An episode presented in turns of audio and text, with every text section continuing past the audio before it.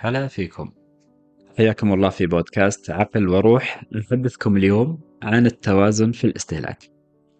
الاستهلاك سمة العصر قادت مجلة آد باسترز الكندية نصف الشهرية حملة ضد الاستهلاك تحت شعار لا تشتروا شيئا اليوم. ليست الصعوبة في شظف العيش وتكاليف الحياة التي سئمها زهير عندما قال سئمت تكاليف الحياة ومن يعش ثمانين حولا لا أبا لك يسأمي بل الصعوبة في الفراش الوثير والمأكل اللين والمنزل الفاخر. نحن لا نطيق صبرا عن وسائل التواصل ولا عن وسائل التقنية المريحة ولا عن سمارت هوم ولا عن باقي المصفوفة. نحن لا نطيق العيش في الظروف الصعبة. لقد أفسدتنا المدنية كثيرا.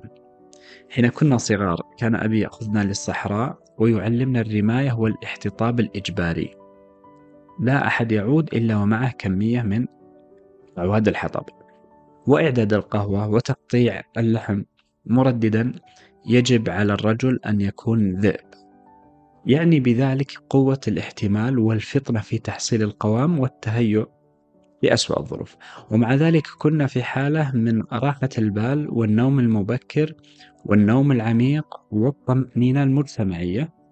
بسبب الظروف التي كنا نواجهها مع الطبيعة طبيعتنا البشرية وطبيعة الحياة بشكل فطري. وهذا يعطينا انسجام مع الكون وارتياح ومؤثرات واستجابة بشكل طبيعي لا صناعي ومقاومة قوة أجسادنا وأرواحنا وعقولنا.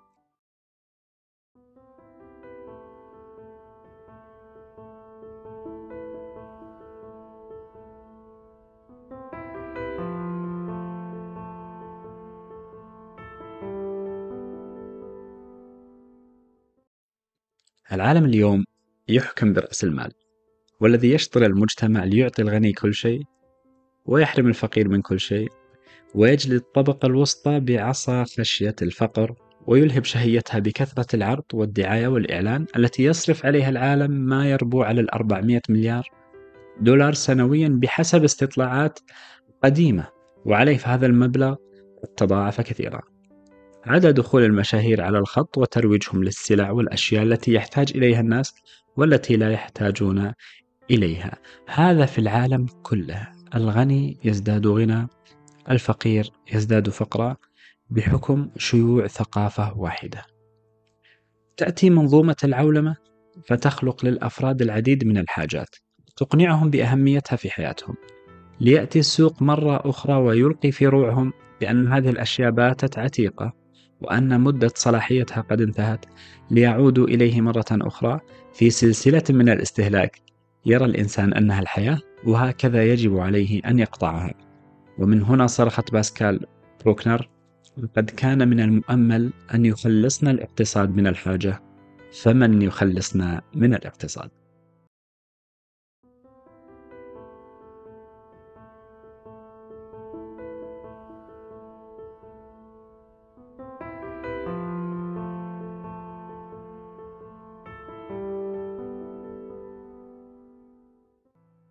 في كتابه المال ضد الشعوب البورصة أو الحياة. يوضح إيريك توسان هذه الحقيقة ويعرف عنوانه الرئيس بقوله المال ضد الشعوب يعني بصيغة بسيطة أن البحث الدائم عن مراكمة رأس المال وعن الربح الفوري يسم التاريخ بمسار مهلك ومنطق يتنكر لإنسانيتنا. كما يعرف عنوانه الفرعي بقوله البورصة أو الحياة يعني خيارا ينبغي طرحه إما مواصلة السباق لتحقيق النفع الشخصي أو الحياة بطابعها الجماعي والتعددي. لقد وصل مدى وسرعة تدهور خروط حياة عدد لا يحصى من البشر على المستوى العالمي إلى ذروات في السنوات الأخيرة فمن جهة ثروات هائلة ركمتها أفنى من الأفراد. في صياغة آه، هذا الكتاب شيء من الركاكة نقلتها كما هي من مصدرها. ولكنه يعني في المجمل أن المال أصبح على الناس لا لهم في كثير من الصور إن هذا السعار الاستهلاكي يوقع العديد من الناس في قلق فما هو الحل؟ يقلق من يفكر في الزواج أشد القلق ويخشى ألا يفي مرتب المتواضع بترسانة الحاجات والأشياء في عالم متلاطم بالأشياء والمطالب والمسارب وكأن الإنسان في العالم أجمع لا يتعلق هذا بمكان دون آخر إنها قضية الإنسان في القارات في القارات أجمع هذا الإنسان هذا الشاب الجيل القادم يرى أنه لا يستطيع أن يبني حياة مثل ما بنى من كان من قبله وأن يستمر وأن يتكاثر وأن ينتج وأن يتقدم. هناك شعور عام آه، يحكم كثير كثير من الناس. كأن هذا الإنسان خلق ليستهلك ويرضي غرائز السوق والذي يحوي بدوره بضائع ملونة لماعة رديئة الصنع وغير متقنة وهذا سر جودتها فهي بحاجة للاستبدال بين فينة وأخرى لتتضخم جيوب التاجر ويتلذذ الفرد بالاستهلاك مع وخز الضمير كما يتلذذ المدمن بجرعة المخدر مع وخز الضمير. وللأسف فكثير من الناس لا يعلم أن تأنيب الضمير الدائم سم للعقل وداء للنفس. ومن العجب كما يقال أن أفكار البعض المرفهة تحولت إلى ضرورات جماعية. أعلم أن مثل هذا الطرح يعذب الروح ويقف بالنفس أمام النفس ويشير بإصبع الاتهام إلى الذات المعذبة كي ترعوي أو تنتهي أو تفيق من هذا السبات القاتل للأعمار في غير طائل ولا نائل. يجب أن نكون أقوياء وأن نتعلم قول لا وليس معنى ذلك عدم الذهاب للسوق أو التمسح المذموم بتحريم زينة الله التي أخرج لعباده بل أعني التوازن وذلك عن طريق فهم الوسائل على أنها وسائل. ووضع الثانويات في موضعها الصحيح وتحديد الأهداف والتصالح مع الذات وجمع الهم وتوجيه الإرادة. وتبسيط الحياة ومعرفة أن القليل يكفي والوقوف قبل ذلك مع النفس. وسؤالها أين موضعها من الراحة والتنعم بالموجود والعيش مع من نحب بسلام قبل انهيار الأعصاب وخسارة الأصحاب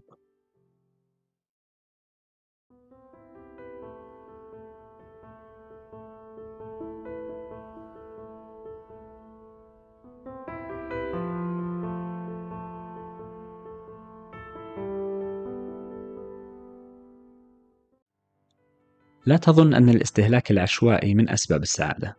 لا ولن يكون.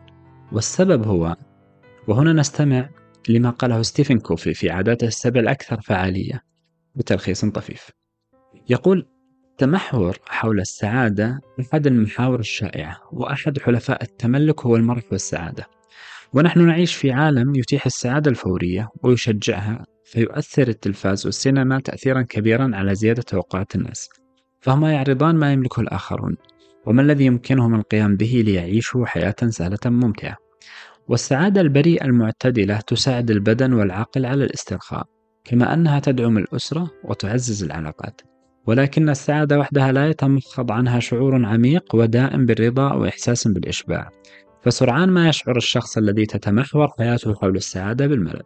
مع كل مستوى يصل إليه من مستويات المرح ويصبح نهما لتحقيق المزيد. بمعنى أن المرحلة التالية للسعادة لابد أن تكون أكبر وأفضل وأكثر إثارة. عند هذه المرحلة يتحول الشخص إلى إنسان نرجسي يفسر الحياة من منظور قدر السعادة الفورية التي يحصل عليها. وتهدر الحياة مع الكثير من العطلات الطويلة وكم الأفلام الهائل ومشاهدة التلفاز لفترات طويلة وممارسة ألعاب الفيديو وإهدار الكثير من الوقت في الاستمتاع بالمتع دون ضابط مما يؤدي إلى ضعف تدريجي في مقاومة الشخص ليكتشف أن حياته تسربت من بين يديه دون أن يدري وتبقى إمكانياته غير مستغلة وتصدأ مهاراته نتيجة لعدم تطويرها ويضحي كسول العقل والروح خاوي القلب. إذا أين الأمان والإرشاد والحكمة والقوة في هذا؟ إنهم قابعون في ذيل السلسلة غارقون في مستنقع السعادة اللحظية. وهنا لو أن المترجم استبدل لفظ السعادة بالنشوة لكان أصوب فالسعادة كلفظ تقابل الشقاوة. ولكن ستيفن كما صرح يعني السعادة اللحظية الفورية المرادفة لما سميناه بالنشوة. وينقل ما قاله مالكوم ماجريتش عن نفسه عندما قال اليوم عندما أنظر إلى حياتي الماضية حين كنت في بعض الأحيان أفعل ما يطرأ على ذهني فحسب. اكتشفت أن ما كنت أراه رائعا ومغريا بالأمس يبدو لي عبثا وبلا قيمة اليوم. على سبيل المثال كل النجاحات التي حققتها مثل كوني معروفا أو أحظى بثناء الآخرين ومثل كسب المال أو إثارة إعجاب شخص ما أو السفر في طول في طول الأرض وعرضها وتفسير وتجربة كل الأفكار الهزلية وعندما تتأمل في ماضيك ستكتشف أن كل ما تفعله لإسعاد ذاتك ما هو إلا خيال ووهم أو ما يطلق عليه باسكال لعق الأرض. وكما تقول الأسطورة الإغريقية أنه إذا أرادت آلهة الأولمب أن تعاقب إنسانا فإنها تعطيه كل ما يشتهيه ثم لا يجد في النهاية ما يريد. وكخرافة فاوست الذي باع روحه للشيطان كي يعطيه المعرفة الكاملة فأعطاه إياها بعدما سلبه روحه. وهكذا. يعيش في اغتراب قاتل لا يوازيه اغتراب وهذا ما يسميه ابن خلدون في مقدمته بالتفنن في الترف حيث يقول فلتعلم أن الحضارة في العمران أيضا كذلك لأنه غاية لا مزيد وراءها. وذلك أن الترف والنعمة إذا حصل لأهل العمران دعاهم بطبعه إلى مذاهب الحضارة والتخلق بعوائدها. والحضارة كما علمت هي التفنن في الترف واستجادة أحواله والكلف بالصنائع التي تؤنق من أصنافه وسائر فنونه من الصنائع المهيئة للمطابخ أو الملابس أو المباني أو الفرش أو الآنية ولسائر أحوال المنزل. وللتأنق في كل واحد من هذه صنائع كثيرة لا يحتاج إليها عند البداوة وعدم التأنق فيها. وإذا بلغ أن التأنق في هذه الأحوال المنزلة الغاية تبعه طاعة الشهوات. فتتلون النفس من تلك العوائد بألوان كثيرة لا يستقيم حالها معها في دينها ولا دنياها. أما دينها فالاستحكام صبغة العوائد التي يعسر نزعها. تراه يقصد الإدمان. وأما دنياها فلكثرة الحاجات والمؤونات التي تطالب بها العوائد ويعجز وينكب عن الوفاء بها. وبيانها أن المصر بالتفنن في الحضارة تعظم نفقات أهله والحضارة تتفاوت بتفاوت العمران فمتى كان العمران أكثر كانت الحضارة أكمل. في كلمات ابن خلدون الآنفة لفتة كما ذكرنا إلى الإدمان وصعوبة التخلص منه. وهو الذي وصفه بقول استحكام صبغة العوائد التي يعسر نزعها. إذا الرفاهية الدائمة تصد عن التحدي، وبالعكس كما يقال شيء من الحرمان يعطي للنوال معنى جميلا وطعما سائغا عندما نثمن ما بذلناه من عرق. إن الفارق بين حسن الظن بالله وتمني الأماني لأن بعض الناس اليوم يسأل لأنه دائما يقول غدا أجمل القادم سيكون خير آه أنا إيجابي حديثي إيجابي لابد أن نتكلم بكلام إيجابي. كل شيء سيتغير للأحسن. أنا أنتظر اليسر والسهولة في حياتي. يطرأ السؤال هل هذا حسن ظن أو أماني زائفة؟ لعل الفارق بين هذا وذاك هو موقعك الحالي من التسليم والرضا وعمل الخير. لأنك تتحدث عن المستقبل والمستقبل لا تعرفه. لكن موقعك الحالي تعرفه. هل أنت مسلم وراضي وتعمل الخير؟ أي الإيجاد والترك. وللإيضاح الذي يخشى أن حسن ظنه بالله ليس إلا أمنيات زائفة فليرى قربه وبعده عن خالقه عن ربه عن مولاه. الرب هو الذي يربي العالمين بالنعم. فما علاقتك بربك وتعبدك لربك؟ بربوبيته أنك تحسن التوكل عليه فهو الرب الرازق الخالق الممد المعد أين أنت من هذا المعنى؟ هكذا وبكل بساطة. لذلك الحسن البصري قال في حق الذين يصرون على الأخطاء زاعمين حسن الظن بالله كذبوا لو أحسنوا الظن لأحسنوا العمل.